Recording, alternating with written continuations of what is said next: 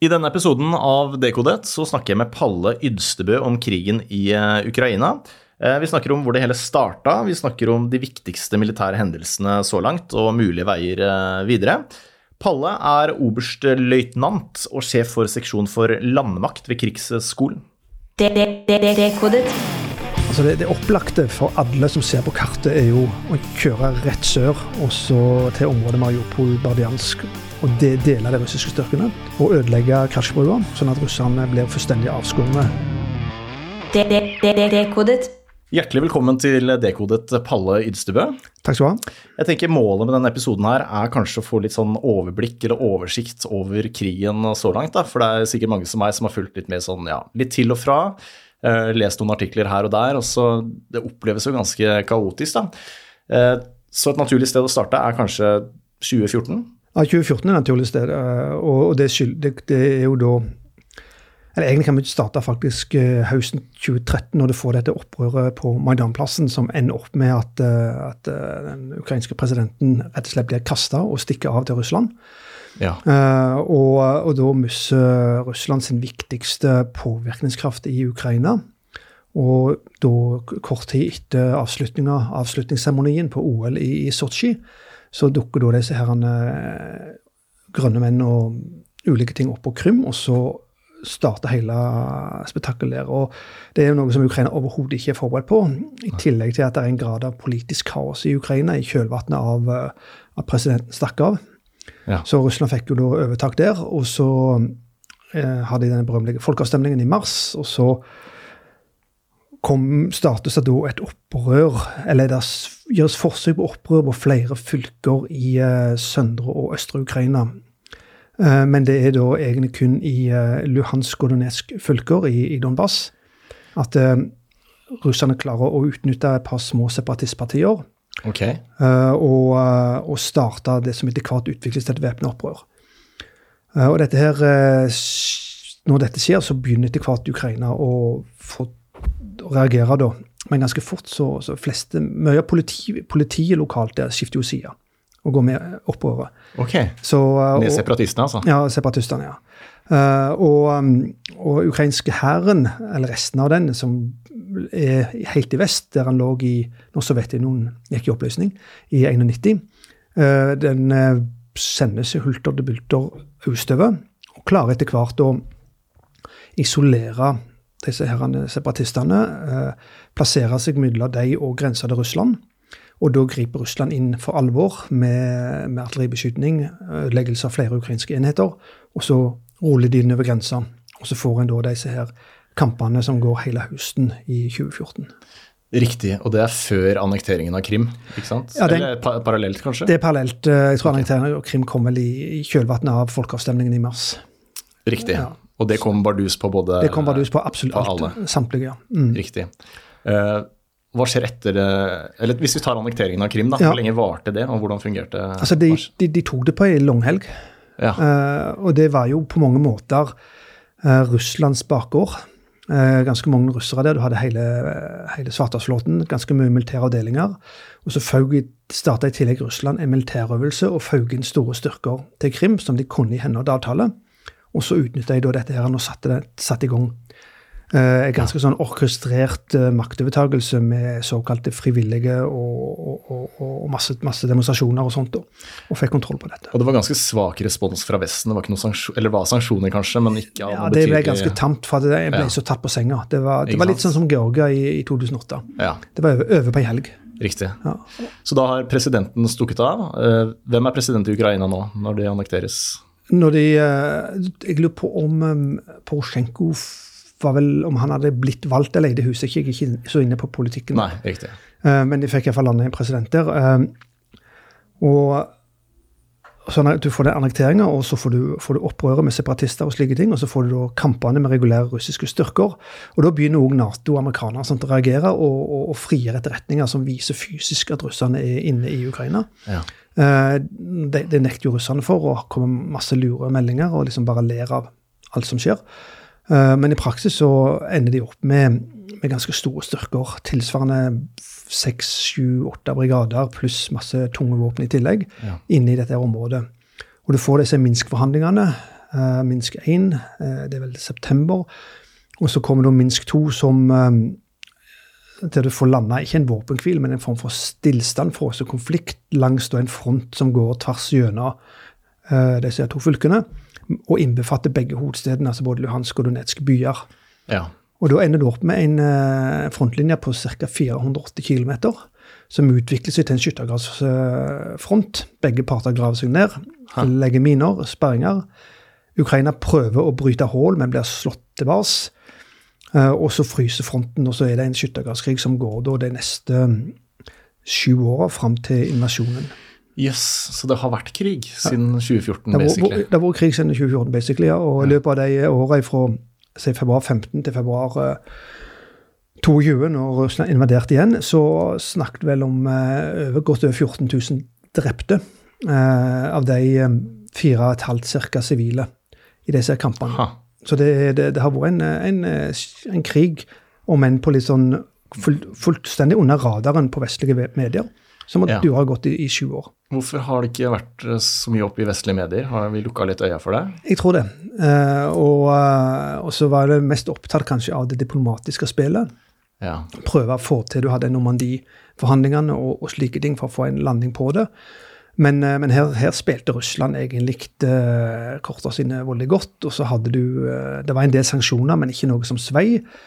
Eh, jeg tror Russland ble ganske fornøyd med måten Vesten reagerte på. ja. Eh, at eh, her, dette slipper jo faktisk unna med. Og fortsatt så, så gikk gassen så det grein etter, og, og handel og, og det hele dura gikk. Da Eh. kan vi tenke oss at vi har vært så avhengig av russisk gass i Europa at de har ikke turt å innføre ordentlige sanksjoner. Det, at det er grunnen? Nei, jeg tror mer at en ikke har sett eh, alvoret, altså hva dette førte med seg. Okay. Uh, Eller så, uh, som eh, Merkel, Angela Merkel, eh, som da var tysk bondeskansler på den tida der, hun hevda nylig i et intervju eh, at eh, poenget med Minsk 2 det var å kjøpe seg tid for at Ukraina kunne forberede seg til neste runde. Um, om realitetene i det og sånt, det, det, det får vel eh, forskninga vise, men det var i alle fall tydelig at, eh, at så snart dette er landa på ukrainsk side, så starta det en ganske omfattende reformarbeid. Eh, både med det militære, men også den sivile delen av samfunnet. Okay. Så de, og de forberedte seg på, på den invasjonen som kom i 22. Det begynte de med i, i 2014-2015. Riktig. Så kommer invasjonen, og da våkner jo verden. Eh, Men hva er foranledningene? Altså, de, ukene før, da, da begynner jo USA og De har kanskje visst det her lenge, men eh, da begynner det å komme litt opp i media at det er noe i gjære, gjør det ikke det? Det gjør det. eh, Og det, det som skjer, det store som skjer, er jo det at eh, i oktober-november omtrent så begynner Russland å utgruppere relativt store styrker langs grensa til, til Ukraina. Um, det er for så vidt ikke noe nytt. Det hadde de gjort allerede i, eh, i april eh, i 2021. Og det hadde de gjort det året før. Og det hadde skjedd tidligere. Men det som er spesielt nå, er jo omfanget, uh, og at det fylles opp med kan man si, understøttelse i form av logistikk, drivstoff, ammunisjon og slike ting. Ja. Eh, og her har da tydeligvis amerikanerne gode kilder, for de begynner ganske tidlig å melde at dette her er krigsforberedelser. Eh, og så får du da det diplomatiske spillet som går, med, med en sånn generell latterlig- latterliggjøring av, eh, av amerikanerne fra russisk side. ja. Og, og, og samtidig meldinger fra Russland som går alt ifra på en ytterlighet at dette er bare øvelser og, og slikt, til at uh, Ukraina ikke fortjener å eksistere. Så du skaper en veldig stor usikkerhet der. Hva med Zelenskyj, for han må jo ha visst at det er noe å gjøre, han også? Han må jo ha fått noe etterretning fra USA? Ja, altså, øh, det, det var det store som skjedde nå i forhold til 2014. Det var jo det at øh, USA begynte på en helt annen måte å dele etterretninger med Ukraina. Uh, og I tillegg så hadde de siden 2019 begynt å levere en del våpen til Ukraina. Eller i 2018-19, ja. Um, defensive våpen, typisk Javelin, panservernmissiler og, og, og luftvernmissiler og sånne ting. Uh, men det, det begynte å bevege seg.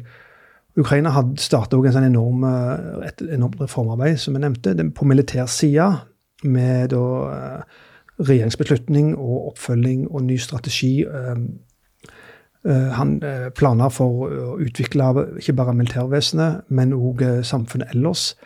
I 2014 så ble det enorm sånn frivillighet opp mot uh, forsvaret av Ukraina i Donbass. Da begynner sånn eh, ulike ikke-statlige aktører, altså NGO-er, å utvikle programvare til droner, eh, utvikle våpen til droner.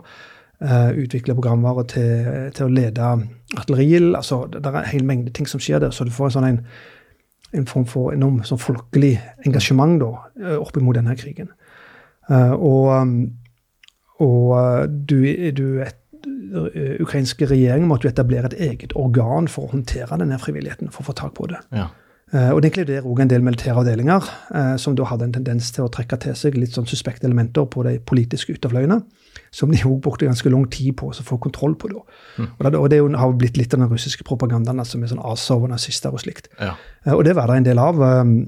men, men det, det, det jobba Ukraina ganske greit for oss å få kontroll på dette. og F.eks. per i dag, på ytre høyre i Ukraina, så er det én Eh, representant i, eh, i, parlamentet som har sånn ytre høyre-tilknytning. Og det utgjør da 0,22% Ja, ikke sant. Så, det, så det, det, er jo ikke noen sak i det hele tatt, egentlig. Um, og, og, så begynner de jo da også å si, forbedre, videreutvikle uh, våpnene sine. Jo, de har tross alt ganske mye materiell. Variabel tilstand, men de starta et vedlikeholdsarbeid, de starta et uh, moderniseringsarbeid og slike ting på stridsvogner og luftvern og, og, og, det de har. Mm. Uh, og um, de har uh, de etablerer en ganske stor styrke som står langs denne frontlinja. Uh, og der rullerer de avdelinger hele tida. Sånn at i, når invasjonen går inn i, i, fjor, så hadde Ukraina en mannskapsreserve på 400 000 soldater Hæ. som hadde krigserfaring fra Donbass. Ja. Og, og, de hadde da i tillegg bygd opp en regulær hær, og så hadde de ganske, som sagt, ganske store mobiliseringsstyrker. Og det siste de gjorde før invasjonen, det var et, eh, et parlamentsvedtak 1. Eh, januar i 22, og det var å etablere en sånn territoriell hær, en sånn blanding av heimevern Eller tenk heimevern, da, bare med ganske litt flere, litt tyngre våpen. Mm. Og da skulle de ha en styrke på 100 000-120 000 soldater, 10 000 regulære offiserer. Og så skulle de settes opp i uh, 20-talls brigader som vil, ja. vil uh, avlaste de feltherren på, mm. til deres viktige oppdrag.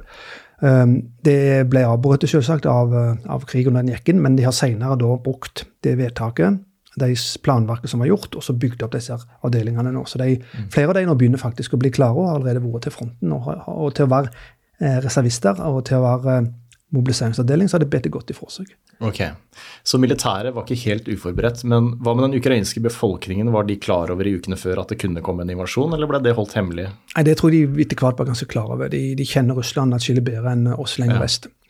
Og du merker jo enorm forskjell på holdningene eller eh, uttalelsene fra de baltiske landene, Polen og Ukraina i forkant her, kontra i vest, der en prøvde å bagatellis ikke bagatellisere det, men prøvde å få flytte dette over til det politiske sfæren på mange måter.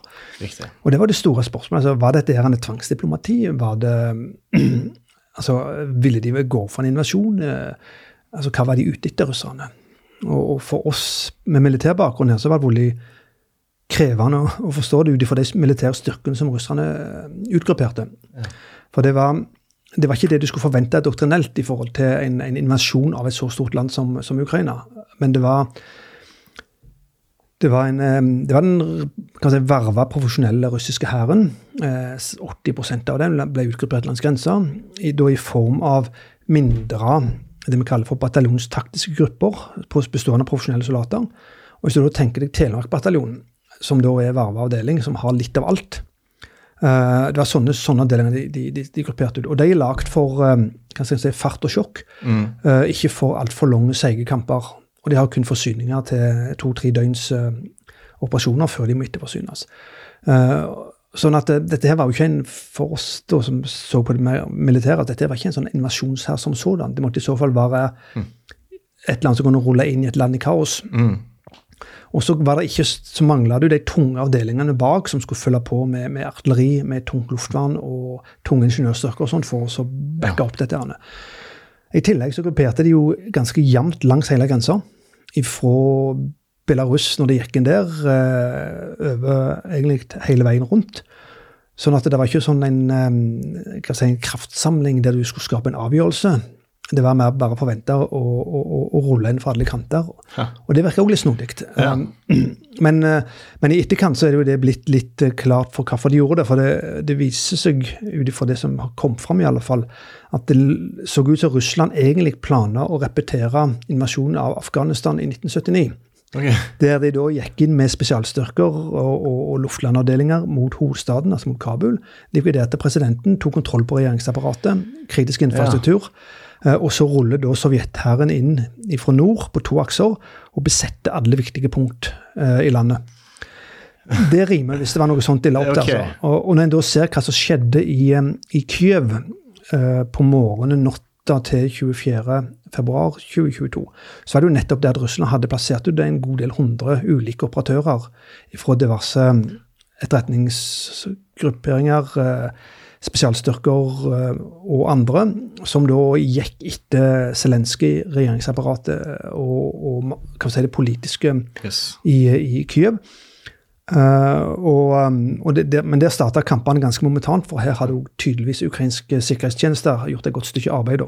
Ja. med å, sånn at eh, disse her uh, russerne ble jo ganske fort engasjert. Kampene starta ganske momentant, og etter hvert så kasta jo store deler av befolkningen i Kyiv seg på. Begynte å lage molotov-cocktails, og, og folk møtte opp med, med jaktrifler og alt mulig sånt. Og så la òg russerne opp til, da, til å Unnskyld.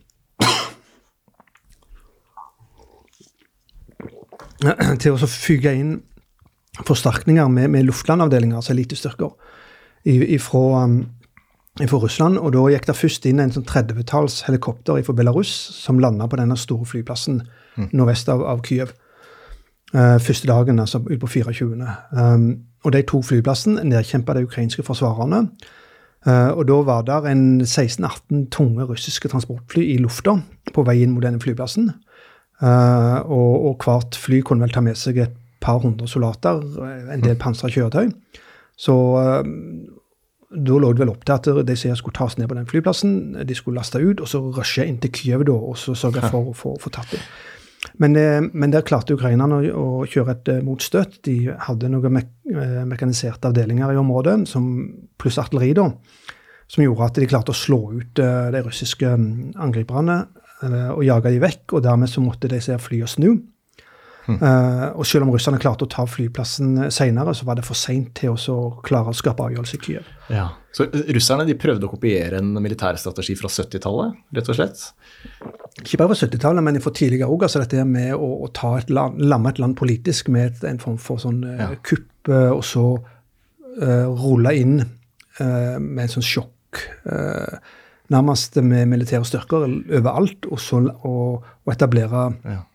Oss kalle det fakta på bakken, da. Så um, Naivt, kan man si det? ja og nei. Altså Hadde det virka, så hadde det virka.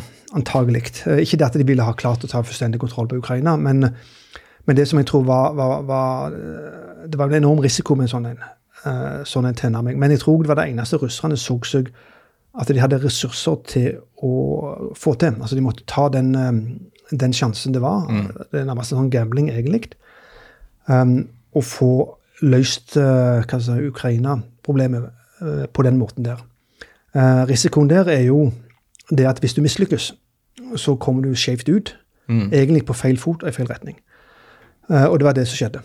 Sånn at når da Russland i løpet av den første helga der ikke klarte å ta politisk kontroll på Kyiv, de klarte heller ikke å komme inn til Kyiv med, med de store styrkene som kjørte inn fra Belarus og fra, Russland på nord og vest for, for, for byen, så, eh, så hadde egentlig dette mislykkes. Ja. Eh, Og da var de jo nødt til å ta eh, stikke fingeren i jorda og finne ut hva gjør vi så. ja. Tror du Putin hadde beregna det her? Hadde han noen plan B her? Eh, antagelig ikke, for det at de så det, det, det vet vi jo ikke, men jeg tror ikke det fordi at eh, de la så mye opp til at dette skulle lykkes.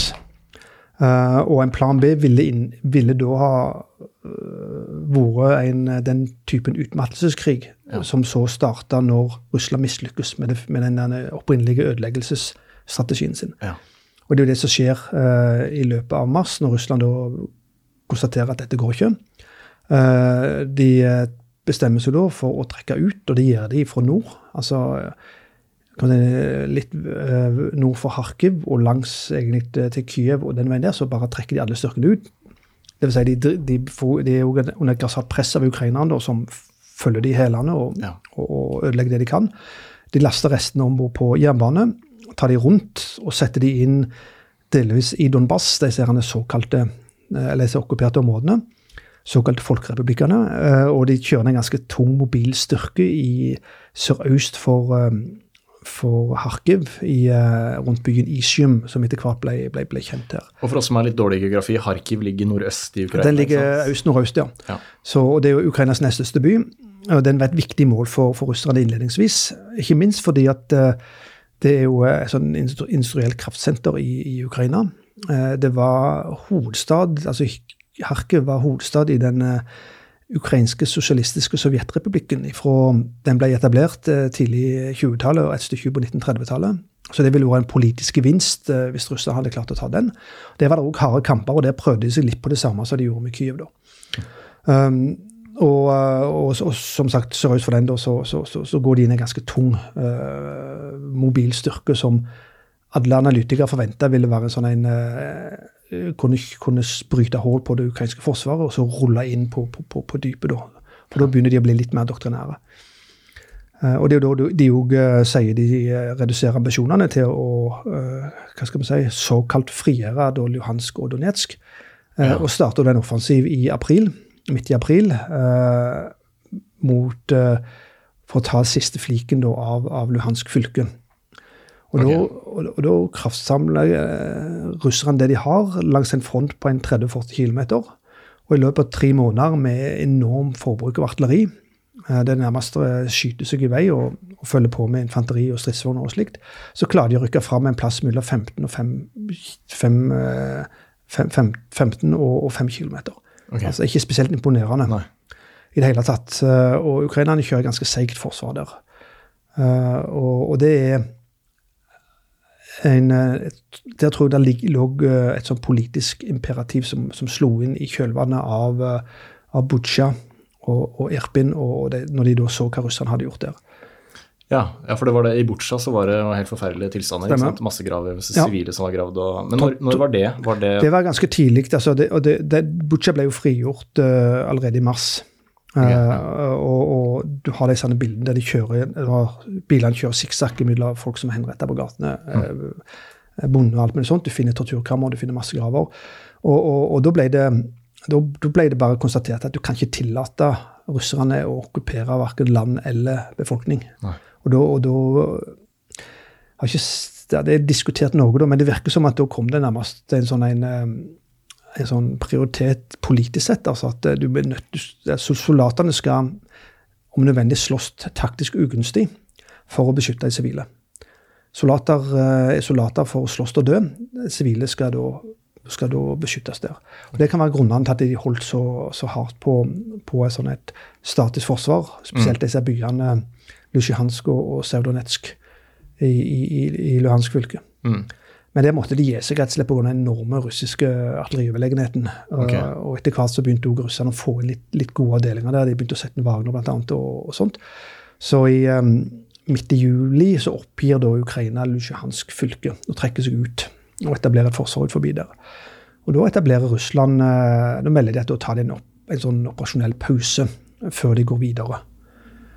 Um, så, så det kan si, første måneden her. Uh, parallelt med dette så begynte da kjørte Ukraina en liten offensiv uh, ut forbi Kharkiv i uh, to uker tidlig i mai, der de um, angrep for å tvinge russerne vekk fra byen, fordi at eh, russisk artilleri sto så nærme Kharkiv at de skjøt med artilleri rett inn i bysentrum.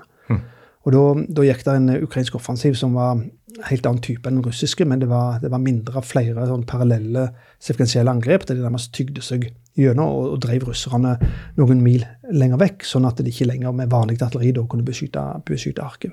Riktig. Og da starter da starter også kampen om det strategiske initiativet i denne krigen. Altså hvem skal legge føringene for hvordan krigen skal føres. Fram til da så var det Russland som hadde gjort det. Men Ok. nå, nå begynner Ukraina å ta, ta det initiativet, og da, da starter det er da begynnelsen på mange måter på et vendepunkt i, i, i krigføringa på land. da. Riktig. Eh, Men hva med Mariupol? For den byen ble bomba sønder og sammen. Er det før eh, sommeren her, eller? eh? Ja, det, det skjer i løpet av våren. i Det skjer i løpet av ja, våren, altså den det blir, altså i, I sør så fikk Russland eh, ganske god framgang. Det var et eller annet eh, som gjorde at de kunne kjøre fra Krim og bare rett inn. uten, Det var ikke minefelt, det var ikke sperringer, det var ikke noen ting. Hva det skyldes, eh, vites ikke, men det har blitt kjørt en del eh, Det har blitt tatt noen eh, ut noe tiltale, påtale og undersøkelser rundt om det er rett og slett rent forræderi eller noe, noe sånt som gjorde dette mulig. Og dermed så fikk de såpass god framgang at de trua eh, faktisk Odessa. Eh, De tru, og de, de, kom, eh, de kunne kjøre østover og, og linke opp da med disse her, med, Luhansk, eller med Donetsk, der de hadde styrker fra før av. Og Da ble jo da Mariupol isolert, og det bestemte da ukrainerne seg for å holde den. Mm. Um, og, og da ble det en sånn, en, eh, sånn veldig sånn symboltung kamp for, for Ukraina. Akkurat med, med, med den kampen der. Da. Og, det, og det, samtidig så bandt det opp store russiske styrker som uh, de ville hatt uh, god bruk for andre plasser. Spesielt i, i kampene med oppe i uh, Luhansk og, og langs den store fronten ellers. da. Mm. Men Ukraina tapte kampen om De tapte kampen om Ja. Mariupol, men de vant de kjøpte seg voldsomt viktige tid Ja. med, mens de gjorde det, og de, og de førte også striden på en sånn måte at eh, russerne ble påført ganske store tap, de russiske angrepsstyrkene der. Riktig. Så sommeren 2022 er det litt uklart hvem som har initiativet her nå. Ja, det er kamp om initiativet. Det er kamp om initiativet. Eh, og Det som så skjer i løpet av sommeren, der, uh, omtrent på slutten av den russiske Luhansk-offensiven, er jo det at Ukraina får det første HIMARS-systemene, det amerikanske rakettartilleriet, med, som da er GPS-styrte raketter, eh, rekkevidde 85 km pluss minus, eh, og treffer på meteren med et stridshode på ca. 90 kg. Ja. Eh, og da begynner de i Ukraina å angripe de russiske bakerlinjene. eh, kommandoplasser, eh, forsyningsinstallasjoner, spesielt artilleriammunisjon. De skyter opp enorme mengder med artilleriammunisjon. Og de, de angriper kommunikasjonslinjer, altså jernbane. For at russisk eh, logistikk er jernbanebasert. Mm. Uh, og det, det russerne ha- hadde kunnet gjort i, i eh, Luhansk, de kunne kjørt uh, på to, jernbane uh, artilleriammunisjon omtrent helt fram. Og så var det nesten ikke behov for å kjøre bil, du kunne bare få det rett ut og begynne å skyte. Når ukrainerne etter hvert begynner å få jobbe med, med HIMARSen, så tvinger de russerne til å flytte si, forsyningspunktene sine fra jernbane ti mil bak. Ja, de må trekke bakover. Mm, og dermed så, så må de bruke i praksis fem ganger så store hjem, øh, lastebilressurser for å få fram ammunisjon, og det har de ikke. Nei. Kan vi si at HIMARS er et, uh, HIMARS er et vendepunkt i krigen? Ja, altså de, de, de, de, bidrar iallfall til et, et form for sånn vendepunkt i landstriden, fordi at russerne foretas uh, artillerioverlegenheten sin. Eh, og Russland er jo, russiske hæren er en artillerihær, altså de skyter seg fram. Og det ser en jo på hvordan det ser ut der de rykker fram. Eh, og når da Ukraina i tillegg begynte å få vestlig eh, artilleri, bl.a. fra Norge, eh, som da har lengre rekkevidde, bedre presisjon og, og lettere å operere, og i tillegg så får du da ammunisjon som, som du begynner å gå tom for ellers, Mm. så begynner de òg å kunne virke mer effektivt mot russerne med sitt eget artilleri. Um, fordi at de bruker det bedre, rett og slett. Pluss at det er bedre artilleri. Så da begynner få, da begynner russerne å miste den der artillerikvaliteten sin, og da begynner det å gå, gå tregere. Men USA ønsket ikke å gi artilleri med den lengste rekkevidden, var det ikke noe sånt? Ja, det var snakk om, eh, om, om eh, en type eh, raketter à la la bare en del større, med rekkevidde på 250-300 km. Ja. Så det, den, det, det ba jo Ukraina ganske tidlig. Men nå fikk jo Ukraina det fra britene her i vinter. Okay. Så, men det kan vi komme tilbake til Ja. mot slutten der. Så det, det var jo en del, det var jo sånn stegvis hele veien der. På, på, på hva de fikk, og på hvilken måte. Det som også skjer når de har fått HIMARS, det er jo det at eh, Ukraina starter en offensiv med Kherson. Helt i sør, stor havneby i, i sør der. Uh, og der har russerne på vestsida av elva, Dnipro-elva, den som deler hele Ukraina i to, har ganske store styrker som er en trussel spesielt mot Odessa og mot eh, innlandet i vest. Så det Ukraina da gjør med HIMARSen, de bare kutter de bru, fire bruer. Eh, To med kraftverk eh, litt eh, oppe mot i, i elva, og, og to bruer i eh, by. De bare perforerer de bruene så de ikke kan brukes. Og da har de i realiteten avskåret en plass mellom 15 000 og 30 000 russiske soldater med stridsvogner og artilleri og alt mulig sånt, som ikke lenger får forsyninger.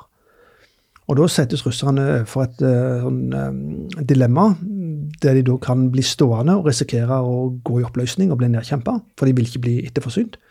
Eller de må oppgi ambisjonen uh, med å rykke fram videre og trekke styrken tilbake for å berge styrkene. Mm. og det, den, den, den offensiven der starter antagelig i juni-juli på et eller annet tidspunkt. Det er litt vanskelig å sette, sette tid på det. Men det tvinger iallfall etter hvert òg russerne til å, til å omprioritere en god del styrker. Fordi at de, den, denne offensiven kan true tilgangen til Krim, annet. Så, um, og i august så det, så den, den offensiv, ukrainske offensiven der starter da i, i, juni. De sier ikke de har en offensiv, men de bare drar den i gang. Mm. Um, noen uker etter Russland hadde tatt uh, hele Luhansk, så startet de offensiven inn for å ta Donetsk fylke. Um, og, men da har de, uh, har de, ikke lenger den artillerioverlegenheten de hadde okay. tidligere, og da går det mye tregere. Og det er jo da du får starte egentlig framrykninger som, som, ender opp fra august til november i, uh, på bygrensa til Bakhmut. Ja. Og da starter kampene rundt Bakhmut i, i, i november som da i praksis fortsatt går, selv om, om Russland og antallet har tatt hele byen. da. Så, og der òg er det egentlig bare på en sånn front rundt Bakhmut at russerne klarer å rykke fram. Uh, og, de, og, selv om de da klarer da i løpet av jeg ser månedene å komme en mil fram til, til Bakhmut, og, og, har nå i løpet av vinteren klart å ta Bakhmut, så har de ennå ikke truff, gått på de, de, de sterkeste ukrainske forsvarsstillingene som starter litt vest for Bakhmut. Riktig. Uh, og av en eller annen grunn så ble Bakhmut veldig viktige. Det, er det en strategisk viktig by? Nei, ikke i det hele tatt. det er en symbolsk verdi, kanskje? Ja, det, altså det må ha blitt det. For det at Bakhmut ok, det var, det var en, en, liten industriby, um, kjent for salt, saltgruver og, og, og, og sånt. Um, og den ligger, den ligger nede i et lite søkk, så, ikke, så, du kan si de som da behersker høydene rundt, behersker byen. Uh, og russerne, etter de hadde gått inn, så Ukraina forsvarte den ganske heftig uh, av ulike grunner, men ikke minst fordi de vel regna med at russerne ville presse på her, og dermed så kunne de påføre russerne relativt store tap. Ja. Så det har vært en sånn slitasjetilnærming i krigføring fra ukrainsk side uh, mot russerne. Uh, etter hvert så i løpet av vinteren så klarer russerne å presse seg fram på begge flankene nord og sør for byen. Um, og de begynner å true det ukrainske ukrainske forsyningslinjene inn til Bakhmut. Eh, og Bakhmut er satt utsatt, og, og russerne skytes jo i praksis gjennom byen. Ja. Uh, og de bruker det de har av elitestyrker for å kunne angripe. Så det, på det tidspunktet her, altså i fjor høst, så er det egentlig kun uh, av den Wagner-gruppa, da. Uh, luftlandavdelinga, altså eliteinfanteri, sånn fallskjermsoldater, og marineinfanteriet som er i stand til å gjennomføre offensive operasjoner. Mm. De andre er såpass nedslitne og, og tatt så store tap at de, de, de, får ikke det til. Og Selv flere av disse har store problemer. Så, um, så og, og Bakhmut, Det det blir mye diskusjoner om Bakhmut skal holdes eller de skal trekke seg ut. Uh, mengde forstår seg på oss, mener at taktisk sett er det galskap å holde Bakhmut. Uh, men jeg tror at Ukraina så det at på annet, av en eller annen grunn så ble Bakhmut nærmest en besettelse for russerne. Og dermed så bare trykka det på, nærmest ja. uavhengig av kostnadene. Og Ukraina kunne da blø de eh, hvite, på sett og vis. Ja, det er krigens brutalitet. Ja, det er så det holder. Uh, og, og, og, det er rent det vi kaller for slitasjekrigføring, altså, som ja. handler om å drepe soldater og ødelegge materiell. Og der klarte Ukraina å, å holde en sånn kan vi si, Å påføre russerne atskillig større tap enn det de tok sjøl. Ikke minst fordi at Ukraina har mye bedre sanitetstjeneste enn en ja. russerne. Var det da Putin begynte med delvis mobilisering? det, ja, det, det, kom i september. Det kom i eh, september ja. og det kommer da i kjølvannet av, eller kobla til den berømmelige Harkiv-offensiven. Ja. Uh, som, um, som, egentlig er en, en, en mulighet som, som bød seg som følge av Ukrainas offensiv i Kherson. For Det som da skjer, det er jo at russerne overført styrker fra Luhansk fylke, altså rett øst for Harkiv. Eh, sender de til, over Krim til Kherson. Og begynne etabler, begynner å etablere forsvarsstillinger på, i dybden der for å sikre Krim. Ja. Og da blir det såpass tynt langs fronten eh, øst for, eh, for Kharkiv at eh, Ukraina klarer å få opp en fem brigader. Brigader har sånn 5000-6000 mann, stridsvogner og andre kjøretøy, Um, som russerne ja, ikke klarer å respondere på før de angriper. Og da klarer de i løpet av et par dager å slå hull på fronten, og i løpet av de neste halve veka, eller en liten uke, så er de seks mil inne bak de russiske linjene. Nå fram til jernbaneknutepunktet Kupiansk, som ligger med ei elv der, og som da som da eh, der forsyningene sør til den store styrken som ligger rundt Isium, går. Og når den da blir kutta, så står den styrken der uten forsyninger. Da er det samme som med Kherson. Ja. Og da tvinges de egentlig bare til å oppgi og trekke seg østover.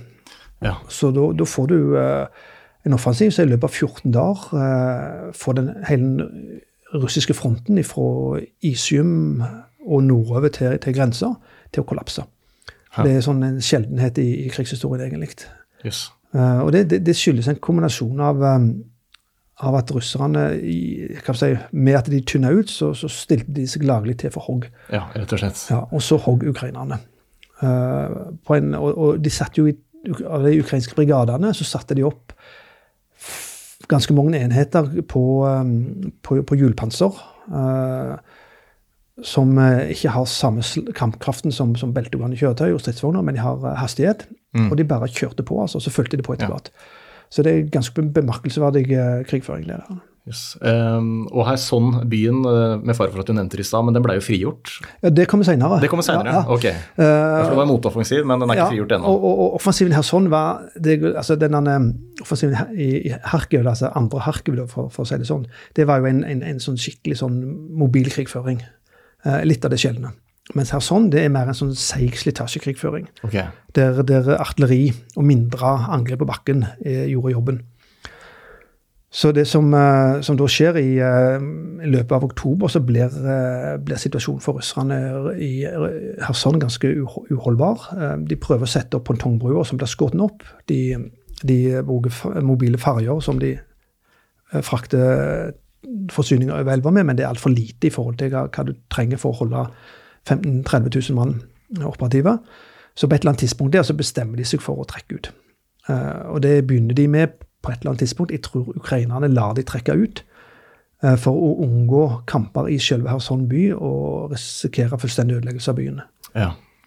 Uh, og 11. november så har russerne trukket ut, og så kutter de bruene fullstendig. Ja, Og etablerer seg da på, i et dybdeforsvar sør for elva, nedover mot Krim. riktig. Så september, oktober, november virker som det er Ukraina som har initiativet Ja, da, da, da, da, utnytter de det for det det verdt. Mm. Uh, og, og interessant her er de to offensivene, altså Kherson og, og Kharkiv, som er vellykka eh, begge to, men vesensforskjellige. Altså de, de to ytterpunkter av landkrigføring. Mm. Med sånn en skikkelig sånn nærmest eh, sånn eh, mobil manøverkrig i, med, med Kherson, nei, med, med, med Kharkiv, og så har du en sånn seig slitasjekrigføring i, Ja. med, med, med Kherson der. Og det, og det er interessant å se Ukraina mestre begge deler. Er det nå russerne begynner med, med artilleri og bombe sivil infrastruktur som et svar på det her? Ja, Det starta de med i eh, jeg tror 10. oktober var, det, var da de starta det første store angrepet mot Kyiv. Med 80-talls kryssermissiler kryssemissiler og flere titalls eh, droner. Hvor skyter de fra da? Er det fra Russland, eller er det fra Ja, okkuperte områdene Det er, øst i det, Ukraina? det er delvis ifra krigsskip i Svartehavsflåten. Okay. Det skyter de kryssemissiler. Det er delvis ifra, um, ifra uh, strategiske bombefly på russisk ter- territorium, langt inne på russisk territorium. Mm. Sånn at de ikke risikerer å, å bli tatt av ukrainske luftvern. Mm. Og så er det noen landbaserte systemer, men det er spesielt fra fly og, og, og, og, og krigsskip. Ja. Eh, det som er, mm, og, og missiler kryssermissiler her, men også disse ballistiske missilene i boka, de som går så rett opp og dette rett ned, Mm. det har jo vært sånn et foretrukken våpen for, for stormaktene de siste 40 åra, og har egentlig aldri møtt motstand før denne krigen her. Så første angrepet mot, eh, mot Kyiv her, så skjøt ukrainerne ned 55% altså godt over halvparten av, av missilene, men det ble fortsatt store ødeleggelser. Og Så repeterer Russland angrepet her. Eh, og Ukraina blir bedre og bedre å håndtere det, og skyter ned flere, flere og flere. Og så begynner de da i løpet av vinteren å få vestlig luftvern, Ja. deriblant det norske NASAMS-systemet.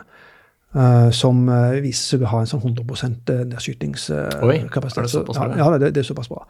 Eh, og det som da, da skjer, eh, og det toppa seg nå her i, eh, i rundt 17.-18. mai, eh, når Ukraina òg hadde fått de amerikanske patriotmissilene, så skjøt de òg ned det som kom inn av eh, disse her såkalte hypersoniske Rinsalmissilene til, til Russland, som de hevder var u- u- Ja. Ja. Eh, og da, av de, eh, da var det vel, av de to angrepene der, så var det bare et par missiler som kom gjennom. Ha. Så det mesteparten av skadene skyldes jo da bare ting som datt ned etter de var, var, var skutt okay, ja. Så, så dette er sånn, hvis en ser på utvikling av moderne krigføring, så, så er dette her noe av det mest bemerkelsesverdige med, med denne krigen. Det er nemlig det at luftvern er blitt såpass bra at uh, kryssermissiler og ballistiske missiler um, omtrent ikke virker lenger. Altså De har store Yes. problemer med, med, med å oppnå de effektene de har tidligere. Så hvis Ukraina hadde fått uh, luftvern tidligere, så kunne mye skade vært unngått? Ja da, definitivt. ja da. Ja. Det, det gjelder jo altså, Alt de hadde fått tidligere, så ville vi vært unngått. Ja, ja. ja, ikke sant? Ja. Eh, sant, det, Men er ikke det litt gjennomgangsmelodien at eh, hjelp fra Vesten kommer treigt, men det kommer Ja. til slutt? Ja. Det er så mye byråkrati og forsiktighet, og så, ja, så, så kommer det til slutt? Ja, og så tror jeg en har latt seg, eh, latt seg dupere av de russiske truslene med, med Ja. atomtrusler og alt mulig sånt, og, og av en eller annen grunn eh, tatt store hensyn til uh, Må ikke fornærme Putin og altså alt dette her. Men, men, men, det, men for alle som kjenner Russland, så det, det er jo den typen Ja. uh, hyling og skriking gjør de alltid. Ulv, ulv, ja. Ja, det er det. det. Uh, så det har jo vist seg nå, og nå med det siste med, med F-16, så er det jo akkurat det samme. Så det, og F-16 er jo ikke, en, det er jo ikke noe Russ, i Ukraina ikke har hatt før. Altså De har jo hatt kampfly. De har jo, de har jo kampfly fra sovjettida, så de bruker veldig godt. Um, men de begynner jo nå å bli såpass gamle, såpass nedslitne, og problemer med, med logistikk og deletilgang uh, og det som holder de gående, at de er nødt til å, å, skifte de ut på et vis. ja. Uh, og da er F-16 er jo, eh, med de mengdene som finnes, eh, det, det er jo over 40 år gammelt. Eh, det kom til Norge på slutten av 70-tallet.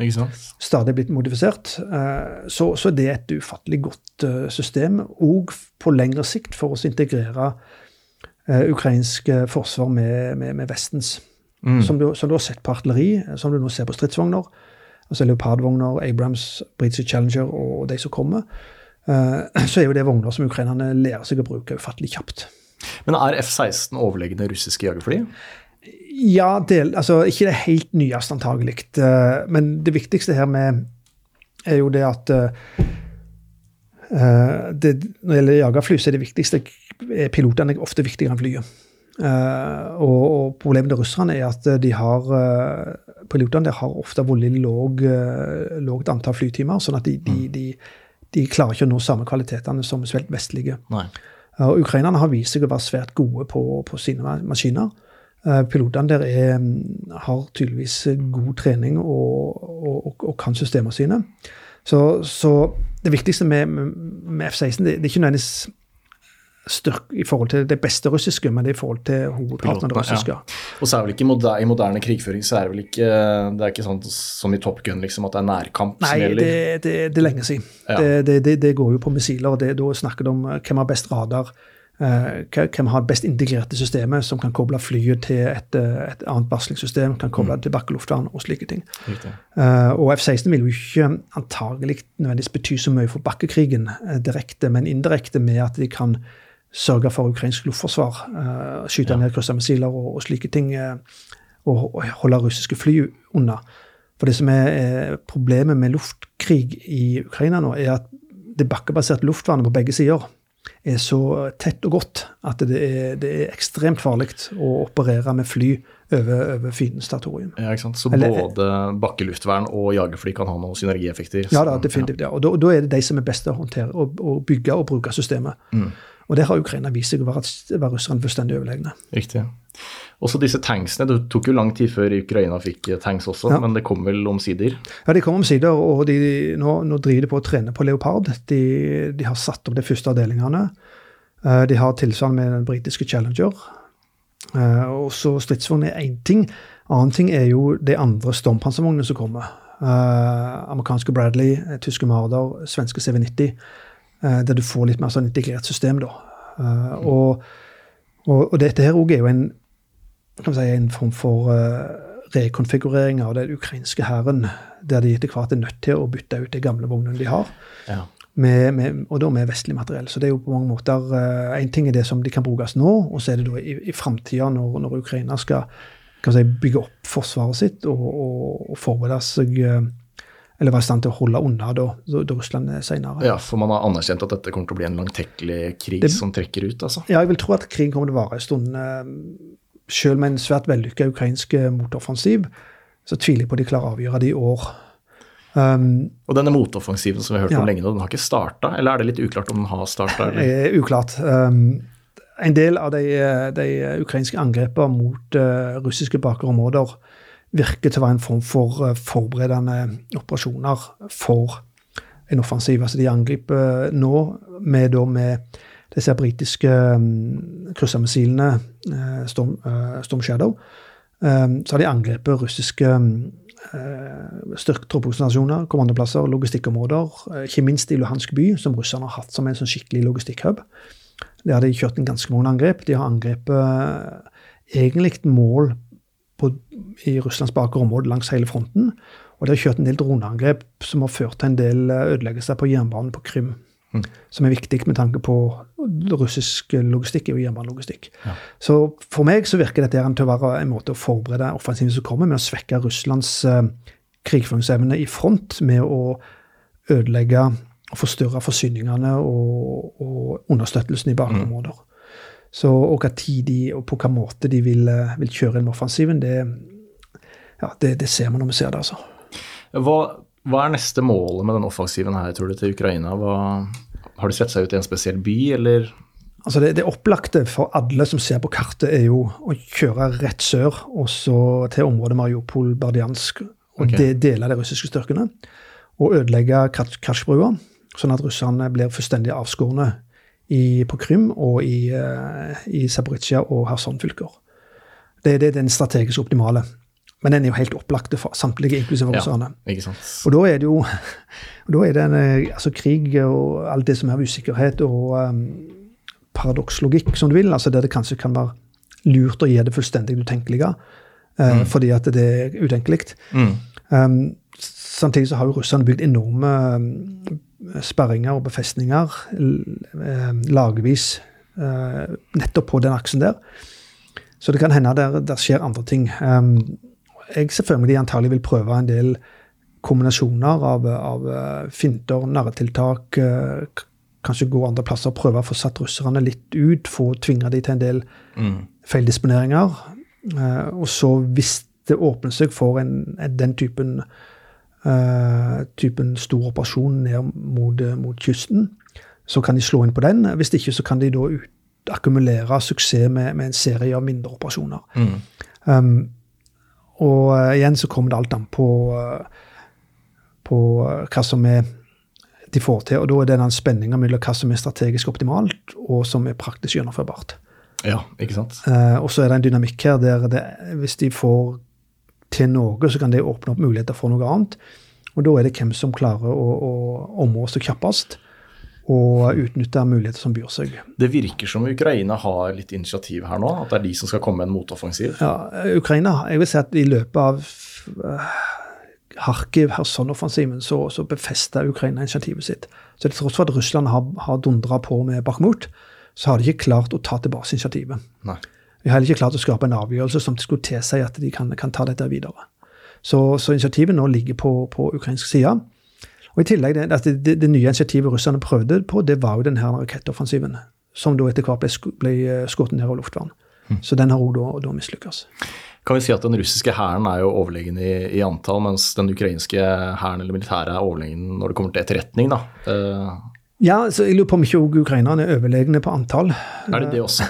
For det, altså, altså, rett og slett fordi at eh, altså Jeg har sett tall som har sånn minimumsanslag på alt Ukraina har, inklusiv territorielle styrker da, som sikrer grensene og, og bak områder står i forsvar og frigjør da mobile enheter til, til, til, offensive operasjoner, så skal de ha en 700 000 under våpen. Yes. Um, enkelte hevder som en million, det er kanskje å ta hardt i, men, uh, men ut ifra hva de hadde av reserver fra før av, det som har meldt seg frivillig og som har blitt rekruttert underveis, Eh, så, så, jeg er ikke overrasket over om de har så mye. Mens russerne sliter med, med antall folk. Ja, og sliter med rekruttering òg. Med rekruttering.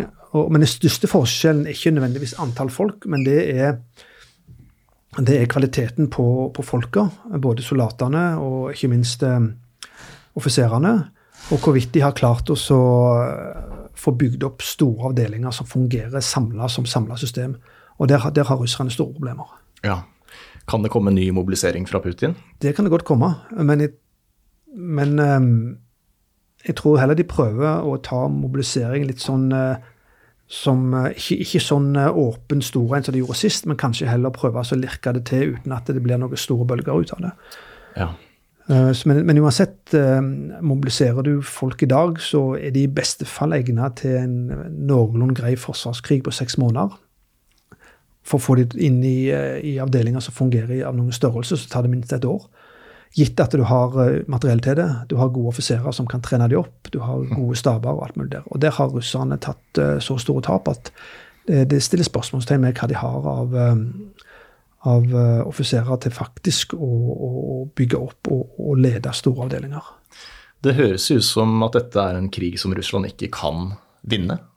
Ja, det, det kan du si. og Som sagt, jeg eh, nevnte jo det var jo da blitt en utmattelseskrig, og da, da snakker vi om en ressurskrig. Eh, Og da, da flyttes egentlig avgjørelsen ifra, mange måter fra eh, slagmarka, fra operasjonsområdet, over på, på landets eh, økonomi, eh, politiske vilje, krigsindustri, eh, mot, øh, motivasjon og, og kampmoral blant befolkningen og sånne ting. Og det, da skulle en tro, Hvis en ser da bare på Ukraina og Russland, så skulle en tro at det, her var løpet kjørt. Men det som er snakk her, er jo at når da Vesten, USA, EU, Nato, stilte seg bak Ukraina første helga, og etter hvert da har bare stilt sin økonomi, sin krigsindustri, sin politiske tyngde, eh, og da av to av verdens tre største økonomier eh, bak Ukraina, mens Russland har en økonomi på nivå med Eller bruttonasjonalprodukt på nivå med Italia. Og i tillegg sterkt svekka av korrupsjon og dysfunksjon og eh, manglende kvalitet og alt mulig sånt. Så, så ut ifra det perspektivet, hvis da Vesten klarer å holde trøkket oppe og, eh, og ikke gå, går leie her, eh, og sørge for å få nok materiell inn til Ukraina, så, så ser jeg for meg at Ukraina kan klare eh, å, å nedkjempe det og drive ut de russiske styrkene fra hele Ukraina. Men fins det noen faktorer her som gjør at man kan tenke at Russland på et tidspunkt kan klare å få tilbake initiativet? Det er vanskelig å se. altså. Da må Problemet her for Russland er det at de oppfører seg som om det er Sovjetunionen. Altså De hadde den sovjetiske krigsindustrien, sovjetiske hæren med fem millioner soldater. Sant? Med, med titusenvis av fungerende stridsvogner, artilleri og fly og alt mulig sånt i, i, i ryggen. Men det har de ikke. Uh, og, um, og de reformene de har, har kjørt òg, har jo vært delvis vellykka, men de har òg ført til at du har fått en, en hær som ikke er lagd for en krig mot Europas nest største land, og nest største hær. Det, det er lagd mer for å håndtere småting, sånn som Georgia eller Tsjetsjenia, eller, eller den type ting. Eh, for da er vi litt tilbake til det hvorfor jeg ikke trodde det ble krig òg, var ut ifra de styrkene som Russland grupperte ut. Det var ikke styrker som var, var lagd for å slåss mot, mot en ukrainsk hær som klarte å mobilisere. Ha.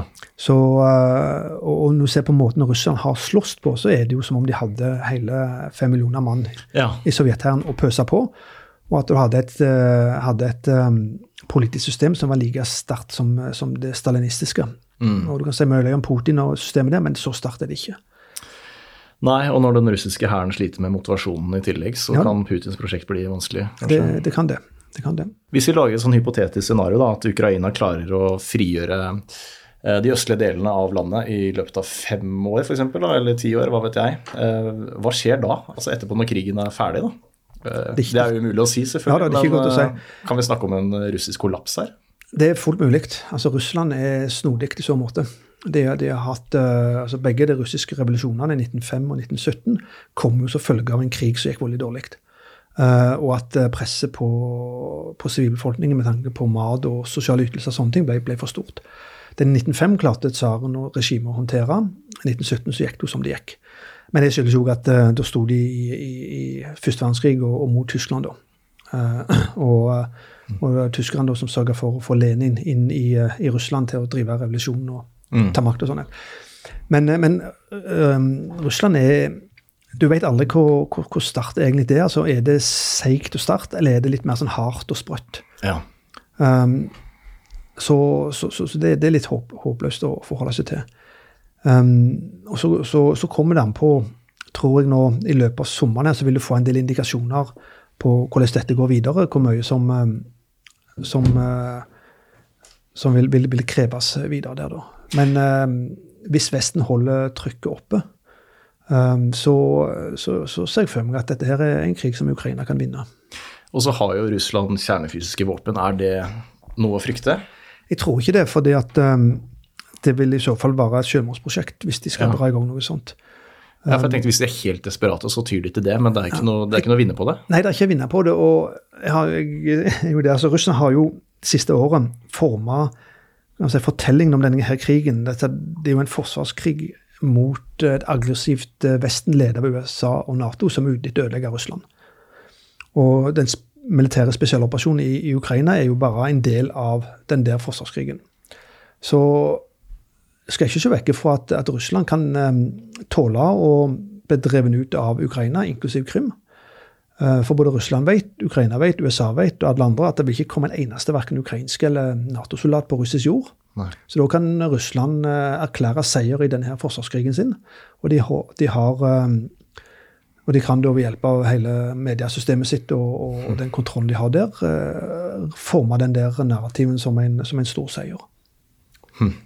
Hva tror du selv er det mest realistiske scenarioet framover? Jeg tror faktisk det er dette som jeg nevnte nå. Ja. Rett og slett. Hm. Men om det, hvor lang tid det tar, det, det, det må fuglene vite. Ja, og da snakker vi altså fuglene vet ett år, 15 år? Ja, altså Hvis du får en eh, svært vellykka ukrainsk motoffensiv i, i sommer, uh, som klarer nettopp en deling og isolere halvparten av det som russerne har tatt i sør der, uh, tvinger de skikkelig bakpå, og de får nok uh, materiell og får bygd opp videre i løpet av vinteren. Så beste fall i løpet av neste år, kanskje. Men igjen, det, det, det, kommer mer an på hva Ukraina får av ressurser, enn uh, en, uh, hva ukrainerne kan gjøre sjøl. Kan Zelenskyj være villig til å forhandle om Krimhalvøya? Det tror jeg ikke. Nei, ikke i det hele tatt. Ikke i det hele tatt. Nei, veldig bra. Altså, shit, lærerikt. Oppsummerende, så tusen takk, Palle Ylstebø. Jo, takk skal du ha. Dekodet. Og hvis du syns Dekodet er en bra pod som du føler at du lærer noe av, så kan du støtte poden f.eks. Eh, ved å rate den der du hører på podkast. Anbefale den til venner og kjente kan du gjøre. Du kan også følge poden på Twitter, på TikTok og Instagram. Der legger jeg ut videosnutter fra episodene. Litt dårlig kontinuitet på SoMe, men målet det er å strukturere opp etter hvert, så det kommer filmsnutter fra alle mm, episodene. Eh, I løpet av neste ukene så kommer det da en episode om hvor grunnstoffene kommer fra. Stikkord der er supernova-eksplosjoner og nøytronstjerner. Og så kommer også en episode om hvordan det står til med verdens haibestand.